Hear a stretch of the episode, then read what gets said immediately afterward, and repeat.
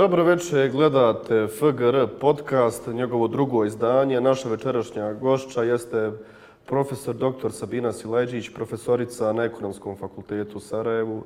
Profesorice Sileđić, dobrodošli. Mm, bolje vas našli. Evo krenim odmah od vaše struke jedno najopćenitije moguće pitanje. Dakle, u kakvom stanju se nalazi ekonomija Bosne i Hercegovine danas? Stan kliničke smrti. Zar je, to, zar je toliko loše? Pa dobro, da, ovaj, malo da se našalim.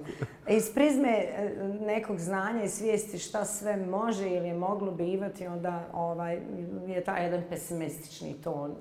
Ali e, naravno to je i dodatno zapravo razlog za optimizam da iz prizme znanja kojih imamo mi želimo da vjerujemo da ne samo možemo nego i moramo bolje, imamo sve predispozicije za razvoj kad kažem da smo u stanju kliničke smrti, onda zapravo to na jedan, jedan aligoričan način pokušavam da dočaram um, jednu strukovnu paradigmu dakle, stanja ekonomije koju mi oslikavamo kao zamka srednjeg dohodka.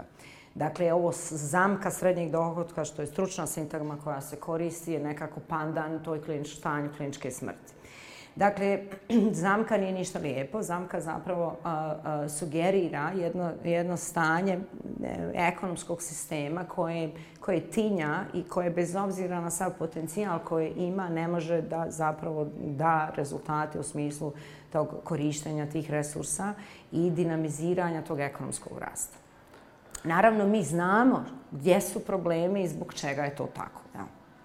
A evo, zašto? Zašto ne možemo da damo rezultate i zašto smo upali u tu zamku srednjeg dohodka? Pa evo, je dosta kompleksno pitanje koje ću ja pokušati da sistematiziram dosadašnja moja znanja i iskustva na jedan prilično, rekla bi, barem se meni čini jednostavan način. Dakle, zamka niskog dohodka zemalja Zapadnog Balkana i još nekih zemalja u tranziciji E, se zapravo vezuje za jedan vrlo interesantan fenomen, a to on se zove fenomen rane deindustrializacije.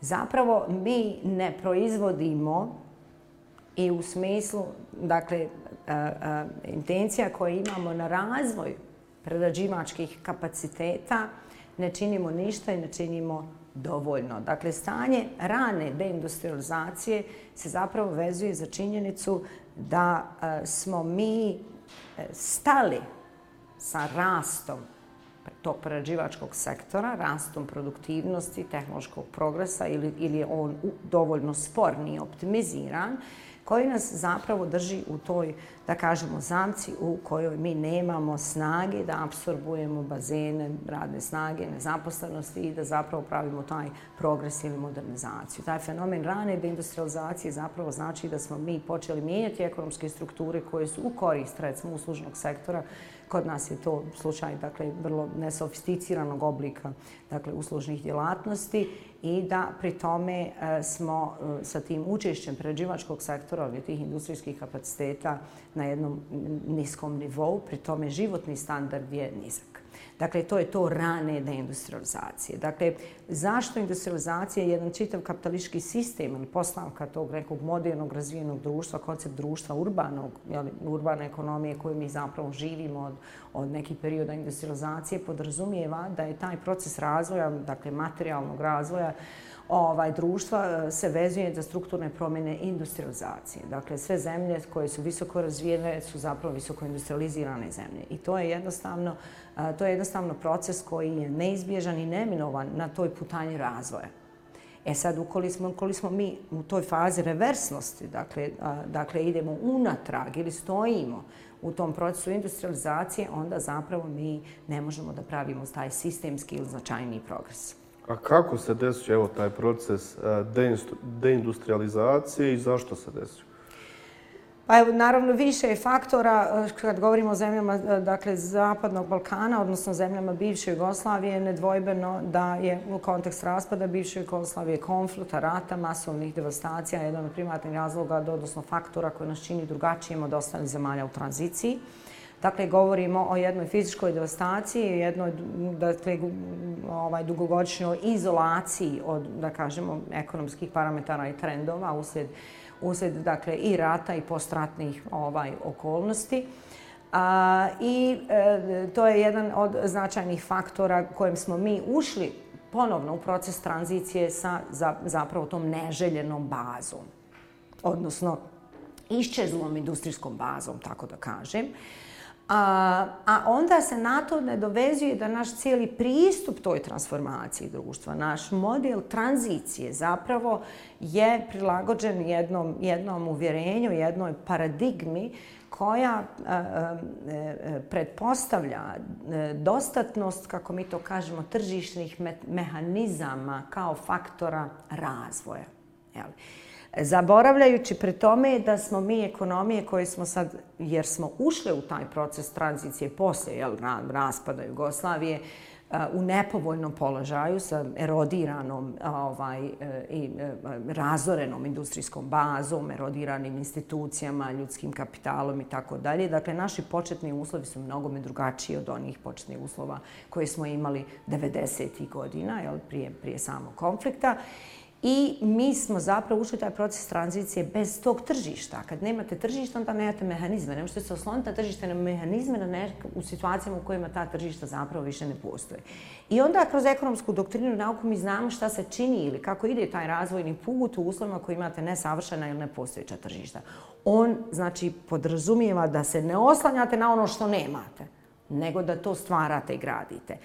A oni koji to stvaraju i grade su zapravo jel, vlade, odnosno države. Okosnicu tog razvojnog procesa koji čini industrializacija, istodobno čini i država u smislu vlada, koja upravlja tim procesom industrializacije kroz svoje rašte mehanizme. Mi to zovemo, to su dakle integrativne industrijske politike, dakle ekonomskom politikom, se upravlja tom tim, tim procesom reindustrializacije zapravo u našem slučaju ili ovaj revitalizacije industrijske baze. Naravno, šanse koje smo imali kroz korporativno restrukturiranje i privatizaciju smo propustili, jer znamo da proces privatizacije kako je tekao na, na ovim našim prostorima, da se on prva asocijacija za različite oblike privrednog kriminala.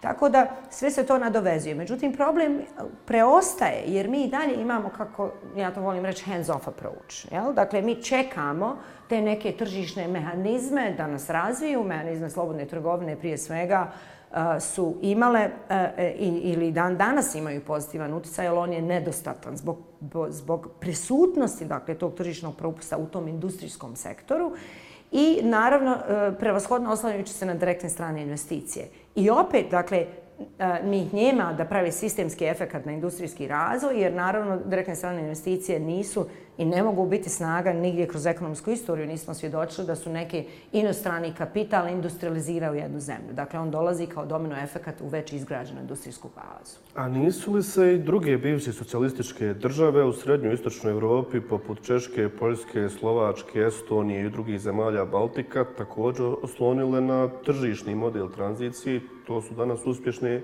članice Europske unije. Također, složit se s vama i jako mi je drago što ste postavili to pitanje, jer, jer puno je tu detalja. Džavo se kriju detaljima. Dakle, nije problem u tržišnom mehanizmu tranzicije per se, ali e, zapravo unutar tog tržišnog mehanizma postoje takozvana prvo dva rašta generalnog pristupa koja su u literaturi danas prepoznata kao šok terapijski ili gradualni pristup a, da kažemo, šok terapijski je upravo ovaj, e, dakle, jedan e, obsesivni, strastveni oslonac na tržište u kojem se vjerovalo do što prije e, uspostavimo uslove institucije, da kažemo, da zaživi ta slobodna ekonomija u smislu izmjena regulative, liberalizacije trgovine i tako dalje, tim ćemo prije čim što prije privatiziramo neke kompanije, tim ćemo prije ostvariti uslove za bržu, za bržu tu tranziciju.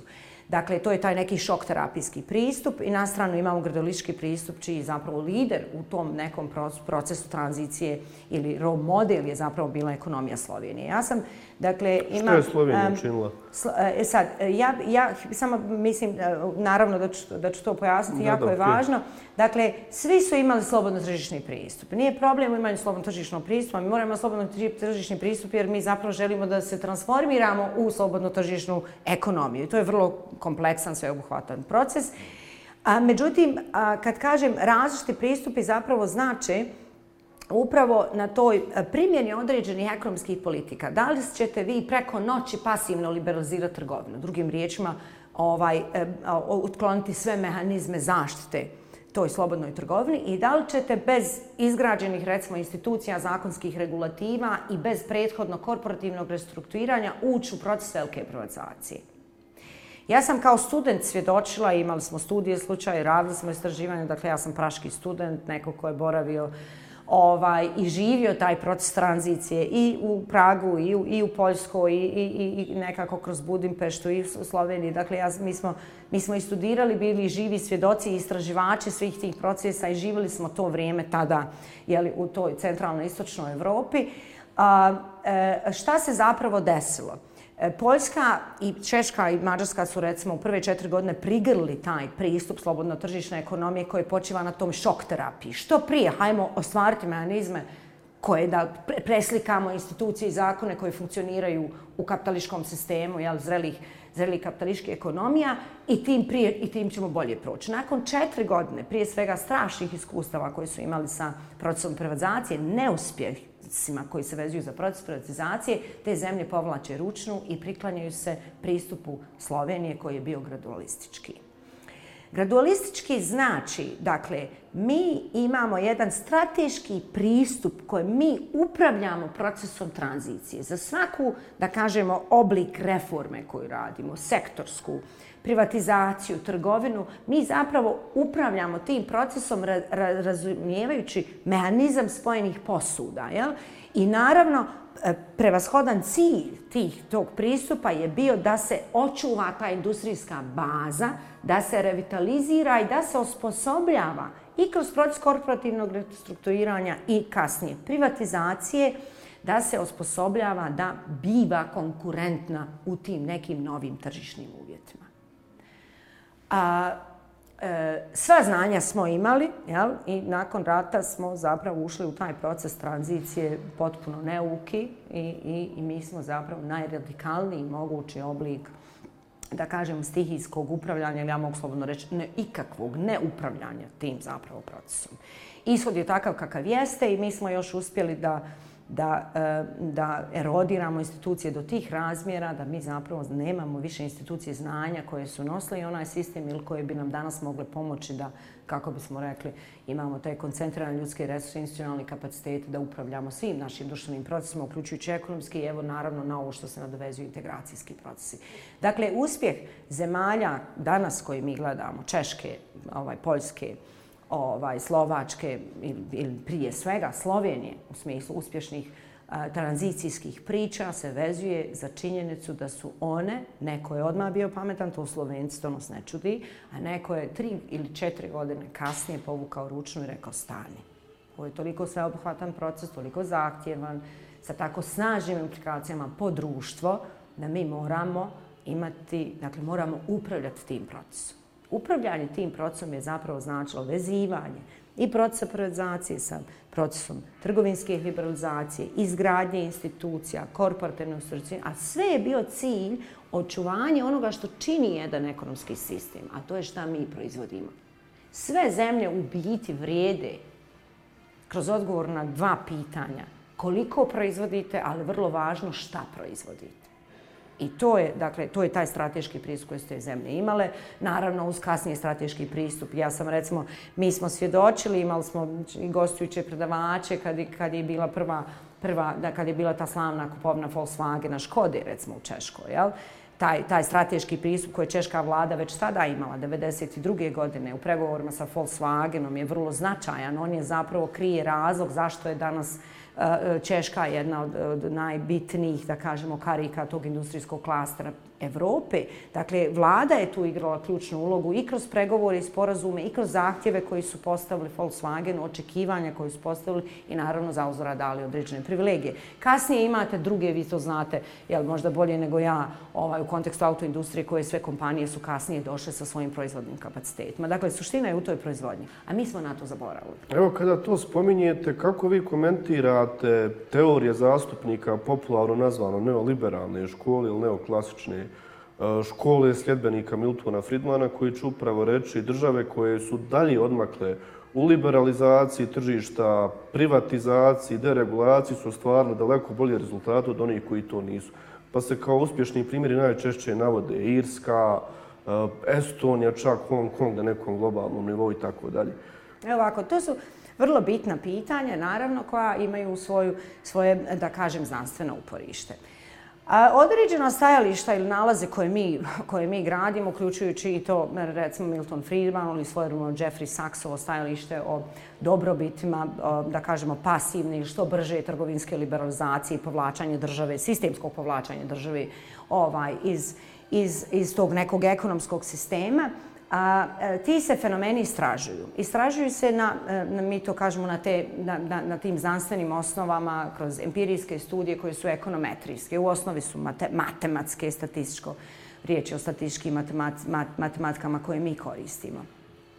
E sad, ja bih mogla satima govoriti o problemu koji se vezuju sa samo te studije. Dakle, ili da vam referiram ine studije koje upravo govore suprotno od nalaza koje, na kojem se poziva Milton, Milton Friedman.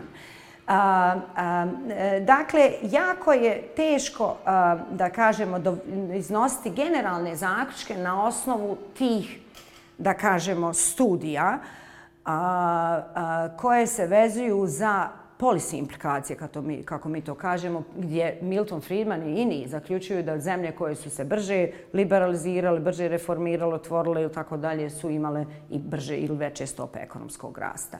Jer to, to je sve istina.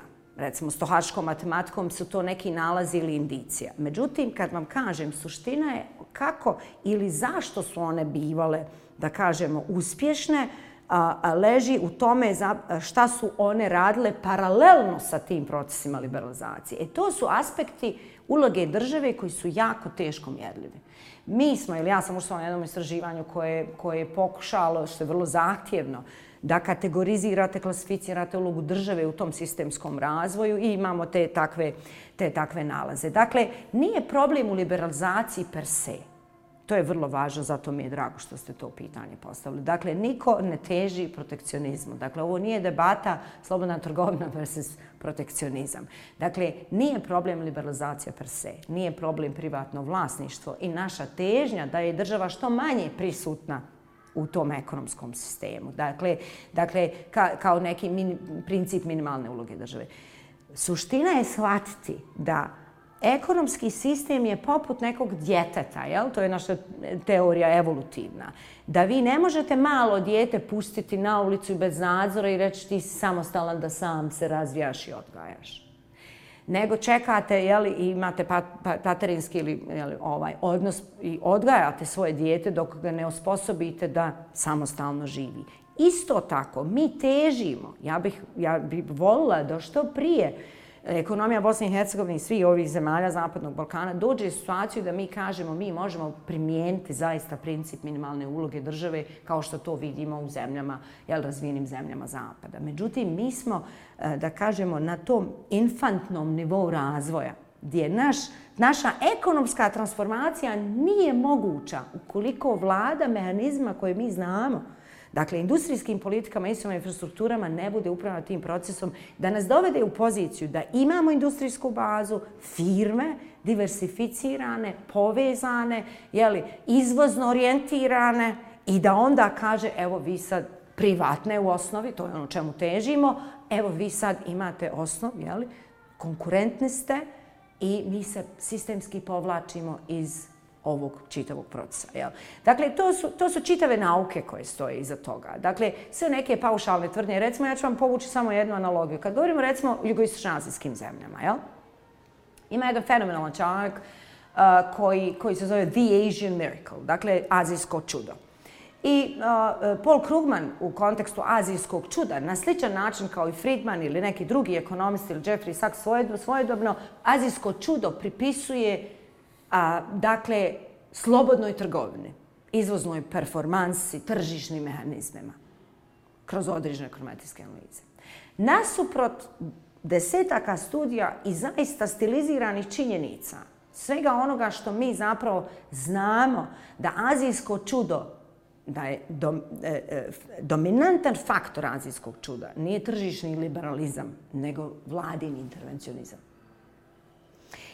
I to je ono što je zapravo važno shvatiti. U naravno, naučnici moraju biti objektivni, oni objektiviziraju, samo morate imati puno znanja da shvatite, da uđete u to što mi nazivamo kritička evaluacija tog i tog, te, te studije ili tog i tog zaključka. Eto, mislim, vrlo je komplikovano, ja sam se trudila koliko mogu da možda to pojednostavim, ali u suštini, dakle, e, kad govorimo o neoliberalnom, kritika neoliberalnog pristupa nije da u smislu u tom kapitalističkom sistemu mi zapravo težimo da imamo vladu koja će moći imati prijateljski pristup, kako mi to nazivamo, tržištu. Vladu koja će se fokusirati na izgradnju ljudskog kapitala, na, na izgradnju fizičke infrastrukture i socijalne infrastrukture, jel, na vladavinu prava i tako dalje, na te koncepte. Dakle, ja, ali mi moramo doći u poziciju razvijenosti, što znači industrijske razvijenosti da možemo maštati da uloga naše države se svodi samo zapravo na to kako mi to nazivamo redistributivna, regulatorna, stabilizacijska, sigurnosna, jel na tih pet elemenata. Do tada, dakle, mi moramo stvarati uslove da napravimo takav sistem. A, u, mi smo daleko od toga, jer vam kažem, mi smo u fazi rane industrializacije. Kad uzmete industrijsku strukturu zemalja Zapadnog Balkana, Dakle, u narodu se nekad govorilo više Jugoslavi, provodili smo od igle do lokomotive, je li tako? To nije palo s neba. Ti industrijski sistemi su se stvarali i gradili. Jedan, ja, naravno, uz koncept tržišnog socijalizma koji je bio jedinstven u bivšoj Jugoslaviji. Dakle, a, i u, na sličan način, kad gledate zbog erodirane i uništene industrijske baze kroz, kroz te rati, i faktor izolacije koji su, koji su isto tako vrlo značajni, a kad govorimo, na primjer, o Srbiji, posebno, onda mi zapravo shvatamo da a, mi nemamo tržište. Imate tržište zapravo znači imate proizvod. To znači imate tržište. Jel? A, imate rivalstvo, znači imate više proizvođača koji ili više subjekata ekonomskih koji se natjecu za, na novac, za novac kupca za taj isti proizvod. Tako da u uslovima u kojima to recimo nemate, nemate fragmentaciju tog tržišta, onda je neminovno, ne možete se osloniti na tržište mehanizam, onda je neminovno da država, kao što je primjer bivše Jugoslavije, samo u nekom drugom, drugom političkom kontekstu, konceptu i sistemu, ili jugoistočni azijskih zemalja koji su jedini primjer uspjeha, država ovaj, e, onda, mi to kažemo, gradi industrijsku bazu, stvara i gradi konkurentnu sposobnost. Evo kako, kako mi u Bosni i Hercegovini to možemo napraviti i kakve politike bi po vama trebalo voditi ovdje? Evo, koje su to ključne reforme koje bi zahtijevala naša ekonomija i da ste vi premijer, da imate velike ovlasti, da vas moraju svi slušati koji su ispod vas? Kako biste vi ekonomsku politiku vodili? Pa je ovako, dakle, naše šanse i prilike preshodno leže u tom geografskom proksimitetu koji se vezuje za Evropsku uniju. To je naša sreća i naprosto je gotovo nevjerovatno biti tako blizu, tako nadomak bogatih zemalja, a i dalje biti karakterisan kao zemljom ili ekonomijom koja je u toj zamci jel, nekog srednjeg, srednjeg niskog dohodka. Dakle, vrlo važno pitanje. e, naravno, Prvo, mi moramo shvatiti da sad imamo zakonsku regulativu, takvu, koja definiše ulogu države ili ulogu vlada, njene nadležnosti, njene mogućnosti i način na koji može provoditi određene mjere podrške. Taj sistem je, e, ili taj sistem zakona koje mi imamo, koje prepisuje najbanalnije rečeno šta država može, smije i ne smije činiti, je e, dakle regulativa koja je e, e, regulativa koja se vezuje i u najvećoj mjeri je harmonizirana sa pravilima internog tržišta Evropske unije. To je regulativa koju smo mi, da kažem, postepeno usvajali sa nekom našom težom kroz taj proces integracije. E, mnogo je te regulative koja je harmonizirana. U osnovi, kad govorimo o onome šta bi država trebala, jel, da ovaj, ovaj sistem, u smislu da država mora imati proaktivan pristup, da zapravo gradi, stvara, industrije podržava i tako dalje, mi bismo u stvari onda trebali da ispregovaramo ono što se zove zapravo E, sa Evropskom unijom prije svega na tom našem integracijskom putu, mi bismo trebali tražiti izuzeća, takozvani exemptions from state aid assumptions. Dakle, izuzeća od strane pretpostavki koji se vezuju za državnu pomoć. Ja sam potpuno uvjerena zapravo da kad imate znanje, snagu argumenta i naravno ako su namjere, istinske namjere Evropske unije, kao što ja apsolutno vjerujem prema Zapadnom Balkanu, dobre i dobro namjerne, da bismo mi mogli ispregovarati jedan značajan period koji bi zapravo e, bilo e, ispravno ili tolerirano da imamo ta takozvana izuzeća. Izuzeća bi zapravo značilo da mi kupujemo vrijeme kao što je Slovenija 10-15 godina ili tako dalje ove druge zemlje, kupovali značajno vrijeme da zapravo omoguće da vlada djeluje kroz budžete, kroz institucije, kroz fondove, da sistemski e, dakle, podržava ključne industrijske kompanije i preduzeća. A, dakle, to je sve topla voda, ta znanja postoje. Sad, četiri zakona su tu vrlo važna. Dakle, zakon o državnoj pomoći, zakon o poticajima prije svega. Kroz te zakone se definira šta država smije i na koji način država smije davati podršku. U osnovi ono što čini, što stvara veliki problem u tom, u tom konceptu jel, ova, ekonomskog sistema koji su zahtjevi internog tržišta, oni su opravdani, ali mi nismo zreli da uđemo u to tržište. Znači, naš ekonomski sistem je infant u odnosu na ta zrela ekonomske strukture. Dakle, ta izuzeća bi zapravo podrazumijela da mi otvaramo pod naravno zakonske pretpostavke da država e, može da ima selektivan pristup i prema određenim industrijskim granama i prema određenim, mi to zovemo, strateškim preduzećima unutar tih industrijskih grana. A, kako bi poticala E, izgradnju njihove konkurentnosti, dakle, tehnološke progrese, uvezivanja, svašta nešto. To je čitava industrijska ekonomika. Da bi to ali, bilo ali kroz, Pa naravno, e, industrijska politika jeste e, pa ono što mi to kažemo, to je selekcija, to je kažemo... E sad, naravno vi govorite o tome sve ovo misalna imenca i vrlo mi je drago, to je vrlo važno pitanje, to je favoriziranje. Dakle, U žargonski se govori o exercise selection i to je naravno, dakle mi provodimo selekciju, mi žargonski zapravo favoriziramo. Svi sistemi su se igradili na osnovu planskog. Pazite, a, a koja je to opasnost da se favoriziraju oni koji su najbolje uvezani sa vladajućim e, gledajte sad, Postoje mjere instrumenti a, koji su, da kažemo, postoji ogromno znanje koje mi imamo kroz ekonomsku istoriju ili ako hoćete noviju, skoriju istoriju, pogotovo, dakle, prvo ovaj, imamo velika znanja iz onog sistema, imamo velika znanja iz, e, a, koja se vezuju za, za uspješan, a, uspješnu transformaciju ekonomsku ili, ili, ili, ili čudo jugoistočnih azijskih zemalja. Ta velika znanja su primjenjiva i prilagodljiva postoje naravno rizici i opasnosti. Dakle, da biste vi provodili ovakav pristup na e, razvoj, vi imat, morate imati preduvjete o kojima mi ne možemo ni maštati, kamol sanjati. Dakle, preduvjeti za aktivnu ulogu države, koja bi zapravo značila da dakle, sistem se razvija planski.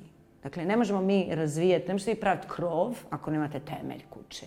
Dakle, postoji čitava nauka koja se zove industrijska ekonomika, Jeli, to je disciplina koja je multidisciplinarna u kojoj ekonomisti zapravo vizualiziraju, stvaraju pretpostavke za, za e, mi to kažemo, e, ekon, ekonomičnost tih industrija, prepoznavanje svih tih e, ovaj aspekata koji su čisto, da kažemo, matematske prirode, ali u biti inženjeri stvaraju te industrije. Jel? To, je, to, je, to je čitava jedna vrlo konkretna znanost. E sad, da biste vi, e, taj se sistem planski razvija. To su u biti petogodišnji i desetogodišnji planovi koji stvaraju te industrije. Da bismo mi, e, e, da biste vi mogli to činiti, vi morate imati povjerenje ljudi. Jel? Vi morate imati ono što je kod nas misalna imenica. Da zapravo vjerujete svojim političkim predstavnicima, vjerujete svojim institucijama, da e, se e, e, to što se čini radi u svrhu opće društvene korisnosti. Dakle, to je naravno jedan od preuvjeta i morate naravno imati, imati institucije. Kao... E sad, pazite sad, vrlo interesantno je, Daniela, ja ću vam ovdje nešto, po, nešto mislim da će vam biti interesantno. To jesu preduvjeti, uz ogroman uvjet znanja institucionalnih kapaciteta. Ali ne zaboravite da je bivša Jugoslavija poslije rata, dakle, urušena ekonomija, bez i jednog jeli, jedne obrazovne institucije stvorila čudo u ne manje, ne, ne, ne manje od deset godina. Dakle, čuda su moguća u ko postoji vole, htjenje, sre, stremljenje. I mi moramo, ne samo da trebamo vjerovati u čuda, mi smo svjedočili čudima i, i bivša Jugoslavija je jedno od najvećih, zasigurno, možda prema nekima i mom skromnom sudu, najveće čudo ekonomske istorije, da kažem, moderne. Dakle, sve je moguće. E sad, ali da vas ovo pitam. Jedan od razloga zbog kojih e, neoliberalsti a, idu u, u, dakle, tom rigidnom a, trasom, govoreći da je princip minimalne uloge države neophodan bez obzira na kojem ste nivou razvoja, jer je vlada, pod navodicima, zlo. Dakle, jer vlada ne može predvidjeti određene da kažemo, um, elemente isplativosti, vlada je koruptivna, to je teorija javnog izbora u toj čitavoj ekonomskoj znanosti, ali u stvari to je um, riječ o političkoj ekonomiji. A, e, dakle, imamo predrasude o tome da smo, kao što kapitalistički sistem počeva na predrasudama da sam ja sebična da je sav moj interes zadovoljstvo počiva na materijalnoj osnovi i pa moju sebičnost i gramzivost. Pa sad je to. Pa jesmo li, dakle, imam tu sociofilozofske rasprave, jel, ta sebičnost ili solidarnost, jel, imamo mi dovoljno iskustva socijalizma kroz istoriju pa na, ovim prostorima. Naravno da jesmo, jel, ali da li je moja puna sreća ili potpuna sreća da se može gledati samo kroz elemente korisnost u ekonomiji, utilitarističke koncepte. Dakle, to je vrlo važno pitanje za društvo. Ali evo da skrenem pažnju. Pazite, zbog toga što se vjeruje da zapravo vlada ne može činiti ništa što, što prema, to, prema tom konceptu neoliberalnom, dakle u njega se uklapa ova teorija javnog izbora. Dakle, zato što se vjeruje da vlada, to jest vi i ja kao predstavnici u nekoj vladi, ja, Dakle, sve čitav sistem počeva na tome, vjerujući u pretpostavku da ja ne mogu činiti ništa što je društvo nedobro. Dakle, ja mogu činiti samo kao rentijer.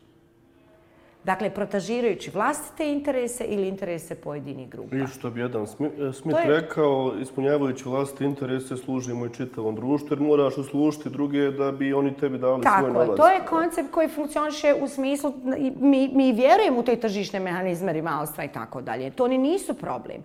Međutim, dakle, sad vjerujući u taj, u taj fenomen da vladin propust, vamo imamo tržišni propust, a ovamo imate argumentaciju da vladin propust se vezuje zato za pred, predrasudu iz tog teorijskog diskursa neoliberalnog, dakle, a, o tome da ja sam nesposobna da činim u, društven, u, u kontekstu društvene, opće društvene dobrobiti i moji su interesi ili lični ili, dakle, usko interesni. Iz tog razloga se onda, e, da kažem, etablira ili preko određenih institucija, kao što su međunarodne finansijske institucije, nameće princip minimalne uloge države i mi imamo sad tu zakonsku regulativu koja je takva.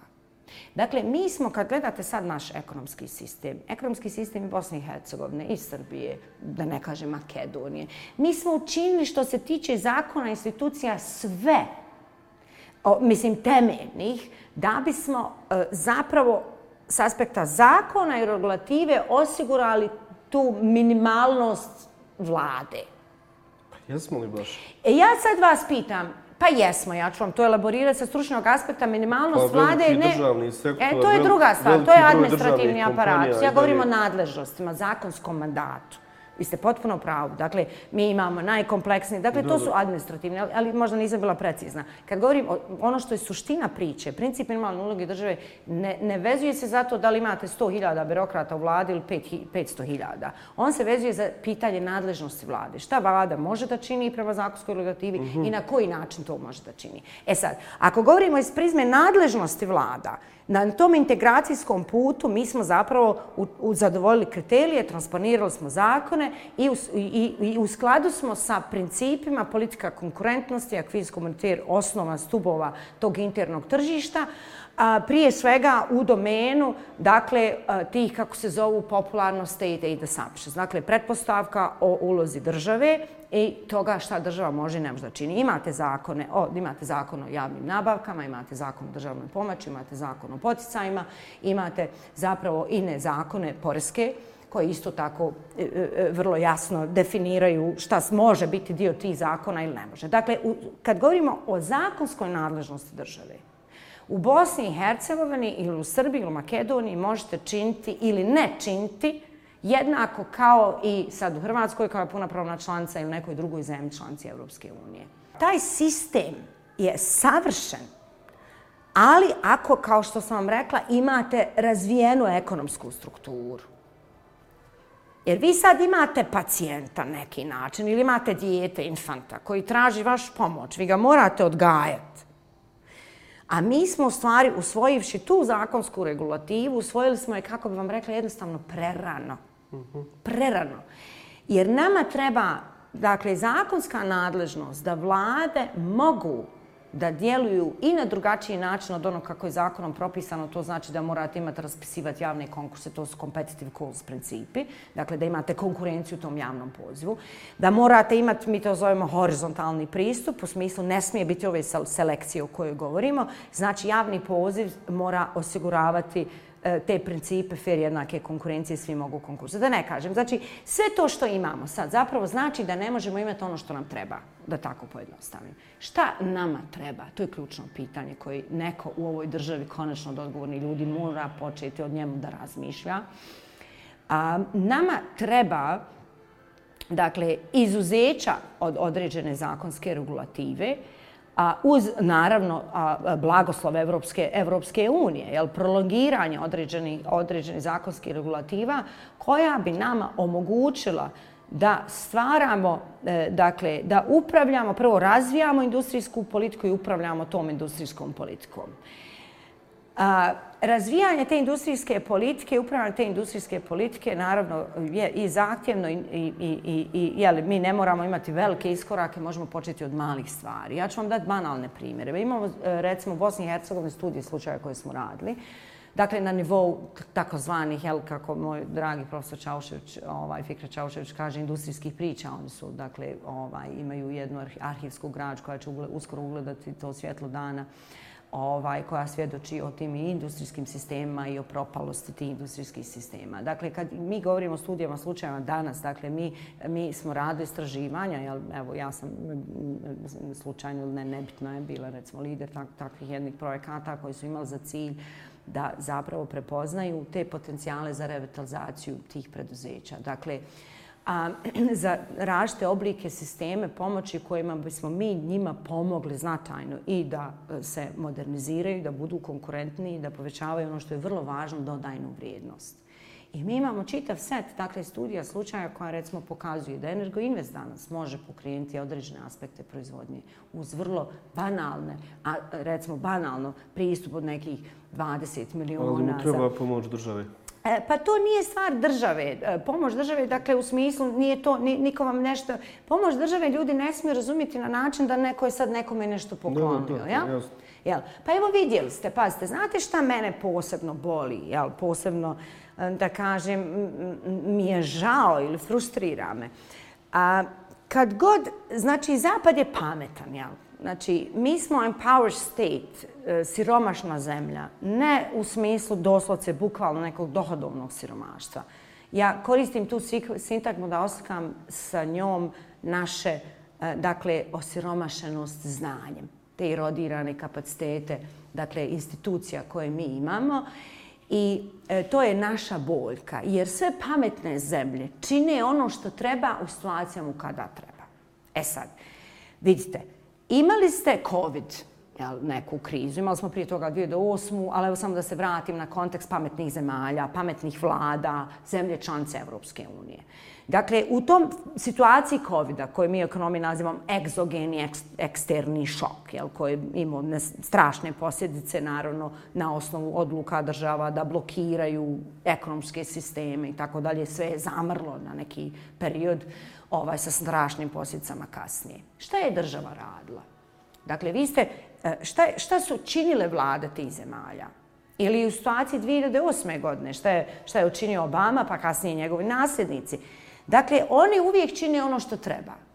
Oni nisu rekli, dobro, slušajte recimo situaciji 2008. godine, no, finansijski kriza, banke, hajde neka propadne. da. Ne, ali evo industrijska preduzeća, banke ne mogu propasti iz drugog razloga, one zaista ne mogu propasti jer ćemo s njima svi propasti. Da. Mislim, to je ta, da kažem, sistem ne, ne, spojenih posuda i nepravde. I tako, da, dakle, da, da. da vam ne kažem šta je činila francuska vlada.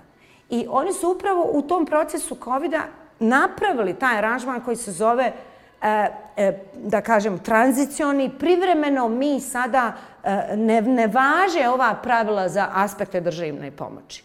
Jer država mora da spasi ta, te firme. Te firme su naše društveno tkivo, one su izvor prihoda, one su izvor dakle, socijalne stabilnosti, one su, one su naša sigurnost, jer one su na kraju krajeva život domaćinstva, one su život čovjeka. Najbanalnije.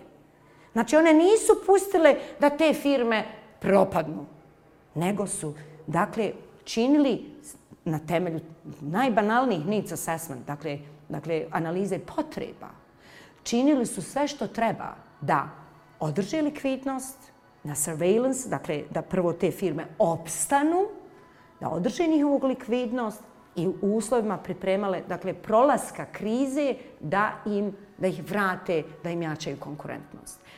Čak sama Evropska unija, što je vrlo interesantno, koja ima sve principe o tom takozvanom neselekcijskom pristupu, ja ću vam reći, jel taj horizontalni pristup, mm -hmm. ili kao ga Svjetska banka popularno naziva market friendly approach, kao prijateljski pristup tržišta. Evropska unija, čak od prije sedam punih godina, je pribjegla vertikalnom, kako mi to nazivamo, industrijskoj politici. I u tom smislu sama Evropska unija, odnosno institucija koja je nadležna za koordiniranje e, politike ekonomskog rasta, konkurentnost na tom supranacionalnom nivou, Evropska institucija koja se zove Evropska komisija, dakle, je, e, je e, ponovno počela pribjegavati selekciji, što vi kažete favoriziranju. Pet industrijskih sektora je još prije sedam godina izdvojeno kao sektori prioritetskog djelovanja institucija, da kažemo, Evropske unije za razvoj i podršku njihove konkurentnosti. Naravno, ne slučajno 105 high-tech industrija, kako mi to govorimo. Jel? Međutim, vrlo interesantno. Kad gledate za taj, e, recimo, a, e, e, e, postoje jedan debalans u toj Evropskoj uniji zemlje koje su takozvane peripheral countries su nažalost i dan danas peripheral countries. Sa možda nekim izuzetkom Irske, ali Irska je vrlo volatilna, specifičan slučaj, ne bi sad to da unosim. Dakle, ako govorimo o periferijskim zemljama, koje su 80. godina bile peripheral countries, dakle i neka Španija i, i, neka, i neka Grčka, jel? one i dalje prevladaju ovaj, Portugal i one su još uvijek kao peripheral countries. Dakle, peripheral ne u smislu geografskom, nego u smislu njihovog, njihovog ekonomskog potencijala i nivoa razvijenosti. Isto im se desi desilo prerano, prerano, su se prilagodili toj zakonskoj regulativi koja, uslovno rečeno, onemogućava da država čini ono što treba kako bi podupirala taj industrijski razvoj. I da se vratim, u COVID-u smo vidjeli i dan danas gledamo, još uvijek su nas snazi te mjere. Ima ih, vrlo su sve obuhvatne. Da se te firme spase, da se i da se naravno vrate na taj kolosnije gdje, gdje se sistemski jača njihova, njihova konkurentnost. Znači oni nikad neće dozvoliti da njihove firme, a da vam ne kažem vitalne industrije kao što je jel, krvo tog, tog nekog industrijskog sistema Evrope je zapravo autoindustrija, ovaj, i high-tech industrije koje sam vam rekla, on nikad neće dozvoliti, ne samo da neće dozvoliti da, da propadaju, nego čine sve, naravno, u, uz mehanizme koji su im raspoloživi da jačaju njihovu konkurenciju. Ali mi smo zato dozvolili da nam sve propadne i manje i više što smo naslijedili iz Jugoslavije, što je nekada bilo uspješno i veliko. Podržavate otvoreni Balkan, zbog čega? Pa evo, da kažem, ta inicijativa Otvorni balkon na moju veliku žalost čini mi se da nije a, od strane mnogih, nije, na, a, kako bi rekla, shvaćena na ispravan Evo, način. kako to komentirate? Dakle, imamo potpunu politizaciju tog pitanja. Meni se čini, ako je bilo nekih ekonomskih argumenta kada je tek se pokrenula ta inicijativa 2019. godine, tada pod imenom Mini Schengen, da su ti argumenti iščezli među vremenu i da mi sada slušamo samo manje i više političku demagogiju. S jedne strane, stranke, političari, ZRS to podržavaju iz razumljivih razloga, ujedinjavanje sa Srbijom pod navodnim znacima, brisanje granica i tako dalje. S druge strane, u federaciji su najglasniji političari, pojedini novinari, aktivisti, koji u Otvornom Balkanu uglavnom govore kroz pojmove pokušaj stvaranja srpskog sveta, Velike Srbije, Nova Jugoslavija, podvala bošnjacima. Mm, evo koliko su takvi strahovi, a takve kvalifikacije uopšte utemeljene i šta zapravo otvoreni Balkan uopšte podrazumijeva? Pa ovako, ja ću za početak reći da sam prije svega ožalošćena e, e, e, činjenicom da se to pitanje na takav način odnosno da se politizira i ne samo mnogo što što treba politizirati. Možda je osnovano naravno i nemoguće je ne politizirati određene aspekte ovog pitanja, uključujući ovu inicijativu. Međutim, ja ću biti krajnje dakle, ovaj, jasna i reći da su sve, sve, sve, sve ono što sam uspjela ja da čujem u javnosti, sve te teze koje su tu, a koje se vezuju za neke strahove od, od, od, od, od stvaranja nekih novih sistema koji možda koji možda ovaj, daju neke prevlasti nekoj Srbiji, da ne koristim neke strašnije termine ili sintagme koje ste vi, koje ste vi koristili, ili strah od velikog srpstva. Ima još strašnijih, ja sam, ja sam ove dakle, blaže one ne samo da su neosnovane, one mene, čine mene duboko ovaj, žalosnom, jer naprosto se nadam da nakon... Jednostavno želim i sve negdje živi u nekom uvjerenju da ćemo nekad konačno izaći iz tih nekog mraka. Znate, predrasude, pretpostavke ne služe i nisu istini ni malo od koristi. A svaki oblik e, straha, kad govorimo o nekom političkom diskursu, a, također nije dobar, vodi nekim neosnovanim paranojama. Dakle, mi moramo, ja ne zamjeram ni svijetu, ni društvu, ni pojedincima što možda pre, ima neki strah, dakle nekom građaninu. Međutim, ja zaista, kao isto neki građanin, neću, čini mi se i ne mogu dozvoliti da politički predstavnici, oni koji sad imaju nadležnost i mandat da donose neke odluke o tom pitanju, zapravo budu zamračeni. Zašto e, bi, o, e, o, zašto, kažem, bi prevladao taj mrak? Prevladava zato što sve te teze su neosnovane. Zašto su neosnovane? Vrlo jednostavno. Dakle, teza o stvaranju Velike Srbije, e, mislim, dovoljno je logičkom analogijom e, samo reći da, član, da trenutno zemlje koje su jel, u taj toj inicijativi su Albanija, Makedonija, Srbija. Ja stvarno ne znam o kakvom aspektu Velike Srbije neko može govoriti. O nekom, da kažem, mehanizmu za saradnju koji u osnovi ta inicijativa jeste, koja, koje su pristupile Albanija, Srbija, Makedonija i evo sad najizvjes, vrlo izvjesno Crna, Crna Gora. Ja zaista ne znam, ja bi volila da nama oni objasne to. Ja zaista, dakle, ja ovdje u stvari nemam nikav odgovor na to što na te konstatacije, ja u stvari imam mnogo pitanja. Kad kažu sigurnosno pitanje, ja također želim da mi neko objasni na pa koji neki, način. Neki dan na debati na kojoj ste učestvovali ste mogli čuti jedan od tih argumenta gdje je profesor Sea Turčalo s političkih nauka kazao da je otprilike geopolitički plan da Albanija pod svoju kontrolu stavi Sjevernu Makedoniju i Kosovo, a Srbija, Bosnu i Crnu Goru. I da je to taj dogovor gdje se preko ekonomske zone u stvar namjerava stvar taj plan. Jesu, jesu li takva predviđanja realna? Da može li se, li se preko... takvim oblicima, dakle, postavki paranoja, tu nema nikakvog odgovora. Znači, A može li se preko ekonomskih zona uspostaviti politička pa dominacija? To je vrlo važno da ljudi shvate. Da kad ja kažem da su takvi strahovi neosnovani, jel? Ja zaista istinski cijenim ovaj izlaganja i, i obrazloženja koje, koje je dao ovaj profesor Turčalo i uh, ništa od onoga čemu je on govorio ja istinski ne sporim u smislu da postoji a postoji, e, postoji, kad kažem ono o čemu je on govorio, dakle, ne slažem se s tom postavkom geopolitičkog projekta, jer ono o čemu je prije svega e, gospodin profesor Turčalo, e, ili moje shvatanje njegovog, njegovog zlavaga, izlaganja, debatne diskusije, je bilo ka tome, to nam ne treba.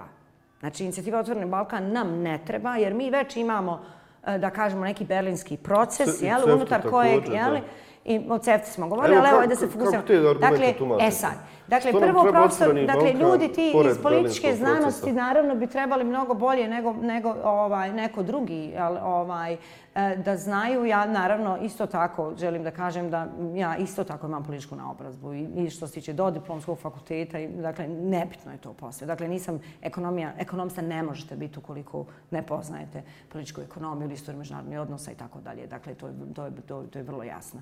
E sad, dakle, Važno je naglasiti, dakle, ono što je osnovano, zaista pitanje, ovo sve ću sa prekrižiti sa jednostavno, Danijale, eh, ja imam hiljadu pitanja njim da, njima da postavim. Sve te sintagme velikosrpstva, straha ovog, straha onog, sigurnosno pitanje su posve neosnovane. Ja nemam odgovora na to, osim da kažem posve neosnovano i da njima postavim hiljadu pitanja. Ono na što bi se fokusirala i jedino od tih pitanja koje je zaista osnovano da o njemu razgovaramo je prvo pitanje da objasnimo ljudima zašto je inicijativa Otvoreni Balkan drugačija od berlinskog procesa, da li je drugačija i šta novo nam nudi. Možete e, to je prvo pitanje, jer je to zaista osnovano pitanje i o tome je govorio profesor Turčalo, o tome smo zajedno Evo, koja je ključna razlika? E, ključna razlika je zapravo u tome. Pazite, prvo, o, u, u, ja bih prvo možda sad da krenem nekako na opačke, pa bih prvo naglasila u stvari da ključna razlika između berlinskog procesa i ovoga što je prepoznato kao mini Schengen inicijativa Otvorni Balkan je zapravo ko je vlasnik tog procesa. Vrlo važno u ekonomskoj ili, ili, ili, ili teoriji države je zapravo taj koncept vlasništva je uvijek važan. U tim teorijskim diskursima taj koncept who owns the process, ko je vlasnik nekog procesa je vrlo važan. I to je prva vrlo bitna razlika između Berlinskog procesa i Otvornog Balkana koja ima svoje bitne implikacije.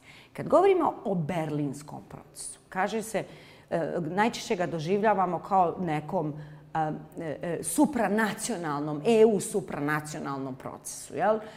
A, međutim, istina je zapravo da nisu sve zemlje članice Evropske unije, da kažemo, dio tog procesa. Jel? ne možemo istinski govoriti o institucionalnoj infrastrukturi Evropske unije koja je u sprezi ili dio tog berlinskog procesa. Mislim, to je inicijativa jedna Njemačke koje se preklanjaju ostale zemlje koje su, naravno, favoriziraju integraciju zemalja Zapadnog Balkana. On jeste institucionalno podržan. Međutim, u osnovi berlinski proces je vođen, predvođen inicijativa koja dolazi isključivo jeli, od od ovaj, eh, da kažem, Njemačke i u tom nekom institucionalnom kontekstu je trebalo da dobija ili dobiva podršku Evropske unije. Za razliku od toga, zbog kompleksnosti tog procesa i same činjenice da neko drugi koji ima puno drugih zadaća upravlja tim procesom, da sama organizacija nekog samita je vrlo komplikovan i organizacijski i resursi i tako dalje. Taj proces sam po sebi, po definiciji, Dakle, zbog svoje multidimenzionalnosti, jer on uključuje, uključuje aspekte i vladavne prava i političke integracije, neke aspekte denacifikacije Balkana, koji su vrlo važni, jel? E, pitanje energije, koji su vrlo bitni, energetske i zelene tranzicije, vrlo važni. I jedan aspekt, naravno, koji je vrlo bitan, regionalna ekonomska integracija. Ali on je sveobuhvatan, multidimenzionalan. I onda njime upravlja sad neka Evropska unija. Jel? Dakle, on sam po sebi je dobar, je, je dobar, taj proces je dobar, ta inicijativa je dobra, ali mjereći uspjehe te inicijative. Kad gledate sve šta je zamišljeno, šta je ostvareno, mi imamo ocjenu da je, da je, da je uspjeh te inicijative, da kažem, nezadovoljavajući. Pa što mislite e sad, da će otvorni Balkan e, biti uspješni? E pa vidite, zašto sad mislim? E sad, i njime, njega, nje, to je, znači, opet smo u situaciju u kojoj nas neko zove, da nam kaže šta je za nas dobro. To je razlika primarna koja govorim who owns the process. Dakle, mene zove Evropska unija, zove nas Angela Merkel, nije bitno zovu nas institucionalnom smislu. Da, vam reći, I, vama vas zove I opet nas zovu, kažu nam, je, da kažu nam šta je dobro. Za, za Vučića I to je do, I ja kažem, ja ne sudim to a priori, da pače. E, dakle, ja ne sudim to a priori da pače, mi smo neko ko se oslanja na, na, da kažem, dobru pomoć ili tu neku uh, prijateljsku ruku svih tih zemalja, osobno tako govorimo o Njemačkoj, ovaj, Austriji, Sloveniji, Hrvatskoj danas i tako dalje. Znači, mi se oslanjamo i vjerujemo u njihovu pomoć. Dakle, i vjerujemo u dobre namjere. Dakle, nije u tome problem. Problem je što sistem kako je napravljen, mehanizam, institucionalni okvir berlinskog procesa je sam po sebi takav dovoljno kompleksan da već i implicira tromost. A, e, prepoznajući tu multidimenzionalnost, da kažem kompleksnost, interdisciplinarnost, znači koliko sve, šta sve obuhvata taj berlinski proces, I tu taj aspekt da se organiz operativno organizacijski to nije tako lako izvodivo. Iz njega izranja inicijativa koja se zove Mini Schengen, kasnije Otvorni Balkan. Ona je kao neki, kako bismo rekli, paralelni mehanizam koji je potpuno komplementaran svemu onome što se vezuje za regionalne ekonomske integracije predviđene berlinskim procesom. Ali je jednostavno stvaranje novog pravnog okvira i mehanizma da mi prije svega sami upravljamo tim nekim našim interesima, sami prepoznajemo zajedničke interese i što prije imamo taj pravni mehanizam multilateralnog sporazuma, možemo nešto provesti što je u obostranom koristu. E sad, samo još jednu stvar. Dakle, imamo to, to je kao, imamo sistem neki organa u organizmu, jel? Ja to sad, berlinski proces je neki naš sveukupno organizam. A inicijativa Otvorni Balkan je, ja doživljavam kao jedan, samo jedan dio jel, tog sistema organa koji omogućava da nešto brže profunkcioniše. A, a to što bi trebalo brže da funkcioniše, mi smo već to potpisali i ratificirali recimo u Sofiji 22. godine, jel? Ali evo u tom smislu, Tako da to je brži mehanizam. Kako komentirate izjave poput one koje je dao Željko Komšić koji je rekao berlinski proces nudi 30 milijardi eura, berlinski proces nudi, otvoreni Balkan nudi s druge strane nula, šta će nam otvoreni Balkan? Da vam kažem nešto. A, ja bih jako, mislim, volila bi zaista da ti, ti tako, ja sad ovaj, neodgovorni, um, bahati, iz moje prizne gledam, od već dugo i gledam, vjerujte. Od već dugo i iskreno žalim, a kao čovjek um, koji voli ovu zemlju, koji voli ovaj naš brdoviti Balkan i koji i na kraju krajeva imam sedmoro djece koji sam, za koji bih volila da, da, da, da, da doprinese, da prinose razvoju ove zemlje kao i sva naša divna djeca. Ja neću, e, e, e, zaista, ovaj, neću više birati riječi i neću imati više nikakav politički korektan govor o karakterizaciji tih takvih ljudi. A, dakle, ovo je, su, mislim, neki posljedni krici u kojima mi njih molimo da donose odluke, stajališta i stavove koje se tiču sve nas na osnovu argumenta, osnovanih rasprava i, i da kažemo, ako već nemamo institucionalne kapacitete kao što nemamo, niti u predsjedništvu, niti u vijeću ministara, niti u vladi, federacije i tako dalje, onda mi imamo jako puno ljudi pojedinačno, ko, dakle, koji, su, koji mogu ulaziti u stručne debate i zajedno u najboljoj želji za ovu državu, za ovo društvo u cjelini, E, pomoći im da dođu do tih takvih odluka. Dakle, to je jedno strašno i bahato stajalište koje e, je neodgovorno i koje na kraju krajeva ja, e, zavrijeđuje svaku osudu jer e, zbog njihovog neulaska u inicijativu Otvoreni Balkan mi propuštamo puno. Mi propuštamo puno i evo e, da kažemo kroz tri godine dinamični procijenjeni efekti na, na, na, na, na, na GDP per capita u prosjeku u zemljama koje su sad članice inicijative, dakle, ovaj, dakle Srbija, Makedonija i, i, i Albanija, prema toj premlanoj studiji Svjetske banke koja još uvijek nije objavljena, su zapravo, e, dakle, samo to da će imati efekt na ekonomski rast od 2,3% sa nekim prosječnim prosječnim efektima po domaćinstvo, dakle raha, prosječnog rasta prihoda koji mi očekujemo između 500 i 600 eura. Dakle, zavisi sad od, od zemlje do zemlje i od prosječnog parametra. Dakle, a zbog tih njihovih i takvih bahatih i neodgovornih odluka mi propuštamo mi propuštamo naše šanse, mi propuštamo naše prilike da se uključimo u taj voz, jeli, kroz taj mehanizam koji je paralelan, koji ne stoji na putu Evropske unije. On je nama kao paralelan sistem ograna da mi revitaliziramo šta možemo. Šta možemo revitalizirati? Gledajte šta je učinio e, e, Otvorni Balkan za jednu godinu. Dakle, CEFTA. Mi gledamo, prije deset godina smo radili istraživanje ovaj, o necarinskim barijerama o zemljama, dakle, s potpisnicama jeli, ovaj, CEFTE, člancama CEFTE. Mnoštvo je necarinskih barijera. Rezultat tog istraživanja koji je bio fokusiran na naše zemlje regiona je nedvojbeno ukazao da, da zapravo e, žrtva necarinskih barijera je ekonomija Bosne i Hercegovine. Dakle, eh, vi koncept slobodne trgovine ne postoji. On je abstraktan sve do momenta dok ne, stavi, ne stvorite zakonsku regulativu koja prevladava trenutno u Evropskoj uniji. Dakle, dok ne imate to interno tržište. Firme se i dalje susreću sa administrativnim barijerama, e, dakle, susreću se sa različitim e, e regulativama zakonskim koji su barijere, kao što su fitosanitarni standardi, tehnički standardi, ekološki standardi, danas sve više.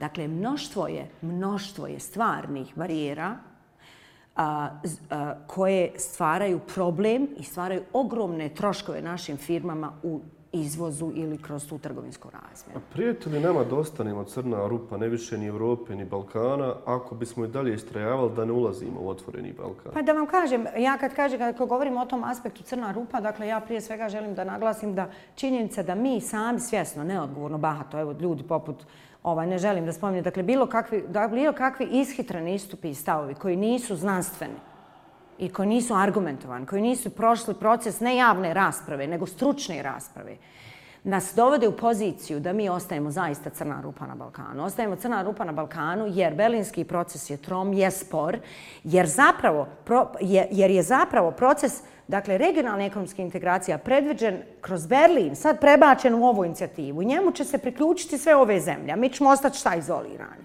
Dakle, a, a, a, dakle i, i, jer, jer, jer, jer taj mehanizam nudi mogućnost da brišući te administrativne granice, vi ste smanjili, mi smo već napravili eksante proračune, 10% niže troškove firme imaju koje su, dakle, a, a, a, a, ovaj, a, izvoznice po jedinici outputa za, recimo, prerađivačku industriju poljoprivredu. Dakle, mi ostajemo izolirani od tih 2,5% rasta. Druga stvar, veliki su rizici koji se isto tako vezuju za preusmjeravanje trgovine. Znači imate sad taj jedinstven prostor koji će početi da živi nesmetano. Dakle, inicijative koji za godinu dana su uspjeli napraviti zelene koridore ili za poljoprivrednu proizvodu, za pređivački sektor, otkloniti necarinske barijere koje CEFTA više od 10 godina nije uspjela, na kojem berlinski proces nije napravio nikakav pomak. Dakle, sve u godinu dana kroz multilateralne sporazume. Ako bi Bosna i Hercegovina pristupila toj inicijativi, to zapravo ne znači ništa drugo, nego da smo mi otvorili sebi mogućnosti i prilike. Ništa nas ne obavezuje. Mi smo samo ušli u neki sistem u kojem imamo priliku mogućnost da suvereno, kao neka jel, suverena država, donosimo odluke o tome hoćemo li i mi prihvatiti da E, to se zove mutual recognition, da su nam, da su nam tehnički standardi opće prihvaćeni, da e, ovaj e, nema više dakle barijera kao što su fitosanitarne i tako da da prihvatamo tu opću regulativu, da da nam je sve da usaglašavamo tehničku administraciju i tako dalje, čime su oni uspostavili zelene koridore. Oni su sada već do jula, do jula nemaju nikakvih barijera za slobodan protok ljudi. Znači imaće, dakle, sistem radnih dozvola, radne dozvole će vlažiti svuda. Priznali su sve diplome. Znači oni su godinu dana napravili, dakle, gotovo velike iskorate. Sad ove dvije godine imaju ne, nevjerovatan progres. Dakle, hajmo govoriti o progresu koji je uspjela da napravi inicijativa Otvorni Balkan u ove dvije godine. Hajmo govoriti činjenično. I onda prepoznati da smo mi izolirani od tog progresa. Naši kamion, za razliku od kamiona koji idu iz Makedonije i Albanije, stoje satima na granicama, susreću se sa strašnim, dakle, administrativnim barijerama kojim, kojim recimo znači da vam tu stoji jel, neki kamion i da carnik može 10 sati da šeta okolo i kaže poslaćemo vam nekoga da radi random sample uzorkovanje i kontrolu.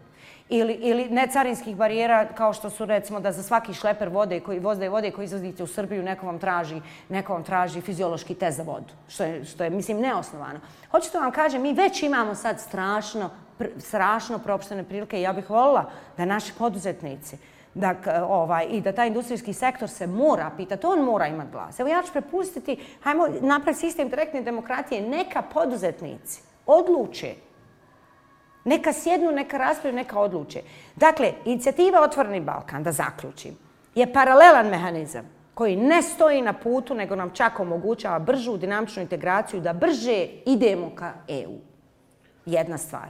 Druga stvar, da ljudi što moraju da shvate, to je samo prilika. Kako ćemo je mi iskorištavati? Dakle, to je ekonomska prilika. Zavisi o našim suverenim odlukama.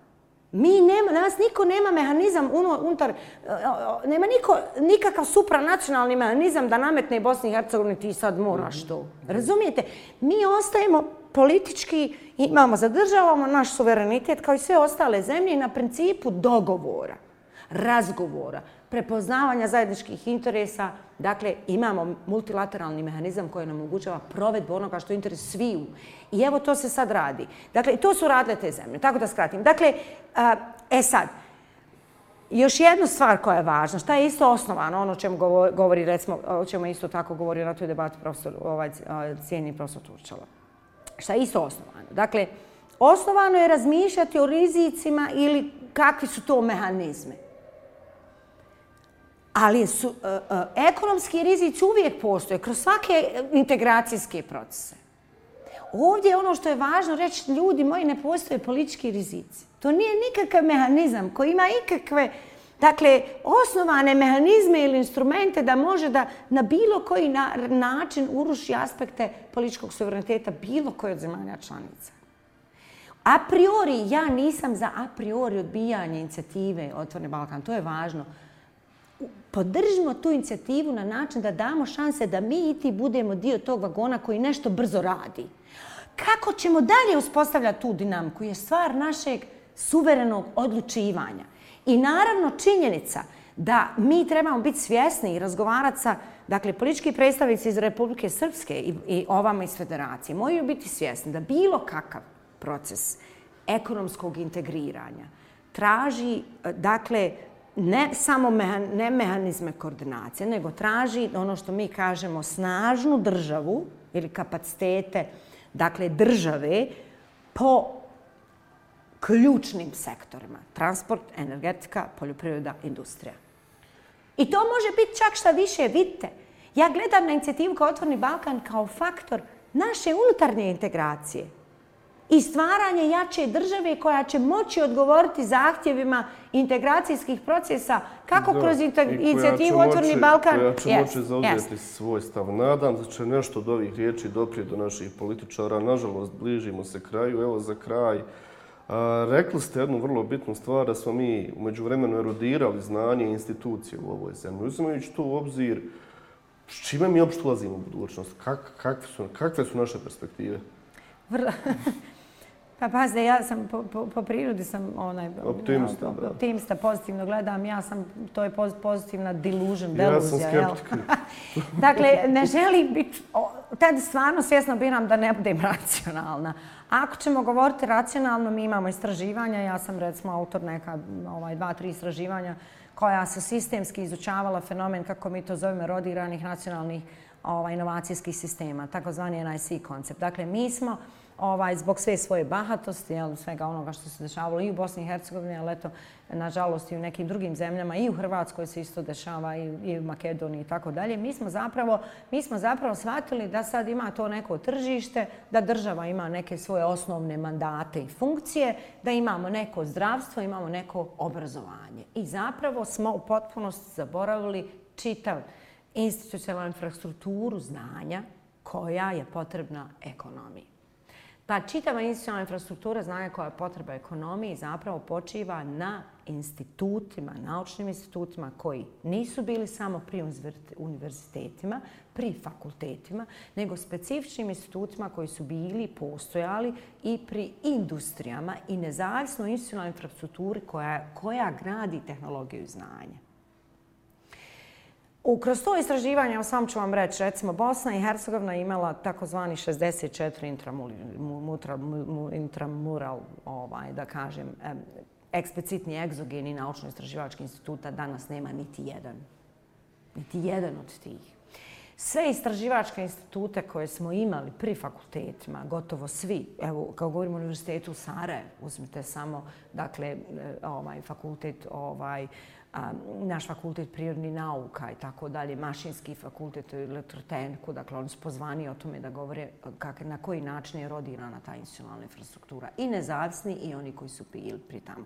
Dakle, na vrlo jednostavan način. Kad mislite, kad država shvati da to ne treba, da je njena funkcija da ima neku sigurnost, stabilnost, zakone, da sama se jel, finansira ovaj, svoju, svoju administraciju, onda vi zapravo prestanete finansirati te institucije. To je najjednostavnije, najbanalnije. Dakle, ti su se instituti prestali i ovaj, finansirati i tu je njihov, njima zapravo bio kraj. A, naravno, mnogi su pretrpili i rodirali su... Rezultat. Dakle, i tako je. Dakle, još imate od svih tih, zamislite, te tragedije, sad od svih tih Dakle, malo je, malo je, ima, imamo mi istraživanje knjige, profesora ovaj, nek počiva u miru Murat Prašo, koji, koji nam je ostavio u arhivi te institucionalne infrastrukture bivše Jugoslavije, tih industrijskih instituta, tehnoloških instituta, jeli, instituta razvoja, kako se taj sistem razvijao, jer ne možete vi razvijati industriju ako nemate ljudski kapital. Onda mora biti sprega između tog univerziteta i tih industrija. Jel? Dakle, ovaj, i, dakle, ti instituti su nestali, iščezli, ovaj, ali naravno mi uvijek možemo stvarati. Dakle, mi imamo, mi imamo jezgro ljudskog kapitala. Jez da smo puno propustili, ali moramo shvatiti da, da neka trebamo početi. Da bolje početi danas, da ne bismo opet propustili za godinu, za dvije i tako dalje. Dakle, urišili smo taj sistem. Urušen je on u znatnoj mjeri, dakle, gotovo po istom modelu i principu u Hrvatskoj, s tim da su oni očuvali neke institute, slična situacija rodirani kapaciteta institucionalnije i u Srbiji. Dakle, mi još imamo tih takvih nezavisnih instituta, industrijski imate samo, recimo, institut za, za rudarstvo, u Tuzli imate institut ovaj metaloški nekašti institut u Zenici, praktično sve ostalo, sve ostalo iz, izumrlo. Ali apsolutno želim da vjerujem i mi imamo nekog ljudskog kapitala koji bi naravno moralo početi grad iz početka. Ali ako je Emmerich Bloom nek počiva u miru vječnom, dakle, uspio da napravi to čudo u tim okolnostima za deset godina, mi moramo vjerovati u čudo. Hvala vam puno na gostovanju. Imao sam još mnoštvo pitanja, ali morat ćemo ih ostaviti za neko drugo gostovanje koje će biti, nadam se, u što skorijoj budućnosti. E, hvala što ste i mene edukovali u nekim stvarima, neke vrlo bitne stvari sam čuo i nadam se da će našim gledalcima biti barem malo zanimljivo koliko je meni bilo. Iskreno se nadam. Jel, na nama je da se trudimo, na nama je da činimo, a jeli, ovaj, pa, mis, mis, mislim da va ovakvih emisija ovdje zaista fali. Uglavnom se vrtimo o dnevnoj politici, populizmu, tako je, teškim tako riječima. Ja, ja im zaista a, ovaj put ne opraštam bahatost. A ja, ja im zaista ovaj put ne opraštam bahatost. I, mi, ja zaista... i, mislim da ih treba pozvati na odgovornost političara. Tako, treba je pozvati na razgovor. Evo, ako što, neka suoče ta mišljenja s našim mišljenjima. Što su retoriku na političkoj sceni sveli ispod nivoa najgoreg reality showa. I kada Tako. se traže zavrne reality showa i ostalog, mislim da prije svega treba krenuti od politike i političke pozornice, a u tom smislu mi nismo bolji od Srbije nego smo i gori, ako slušamo što naši političari govore. Tako je. Ja bih za kraj da ih pitam, dakle, otkud smjelost da upravljate društvenim procesima? Bez da, nije pitanje da li ne pojedinac ima znanja. Nema ni jedan pojedinac adekvatna, a, ne, a kamoli dovoljno znanja na takav bahat način. Dakle, gdje ste sveli nivo političkog odlučivanja na neke ustrostranočke ili, ili interkafanske, ovaj, interkafanske diskurse. Dakle, dosta tome. Mi moramo graditi dakle, društvo učenih ljudi, ako ništa početi da gradimo takvo društvo. Ne mogu ništa bolje reći od vašeg zaključka. Vi, dragi gledalci, hvala na pažnji. Vidimo se uskoro ponovo u našem podcastu. Kliknite like, subscribe i do gledanja.